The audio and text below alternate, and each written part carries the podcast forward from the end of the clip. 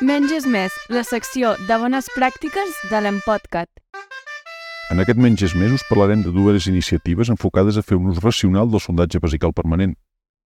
D'una banda, en tenim una del Choosing Wisely Canada, inspirada en una intervenció d'un hospital de Toronto que va reduir a la meitat l'ús del sondatge vesical en pacients hospitalitzats.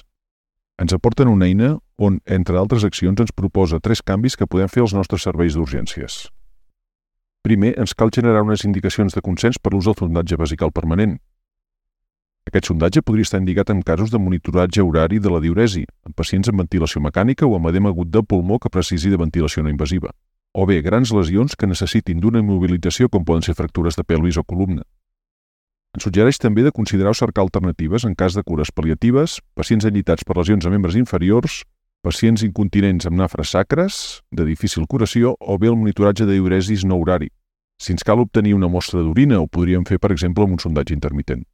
Ens cal evitar el sondatge vesical permanent en casos de demència, deliri o incontinència, entre d'altres.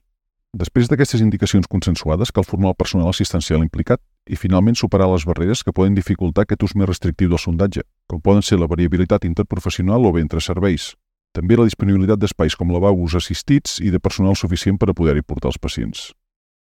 En l'altra iniciativa, anomenada Bladder Safe, se'n suggereix confirmar les retencions agudes d'orina amb ecografia abans de fer el sondatge i ens proporciona més materials útils com poden ser presentacions i ajudes cognitives o recordatoris. Sabem que el sondatge vesical va lligat a una morbilitat específica.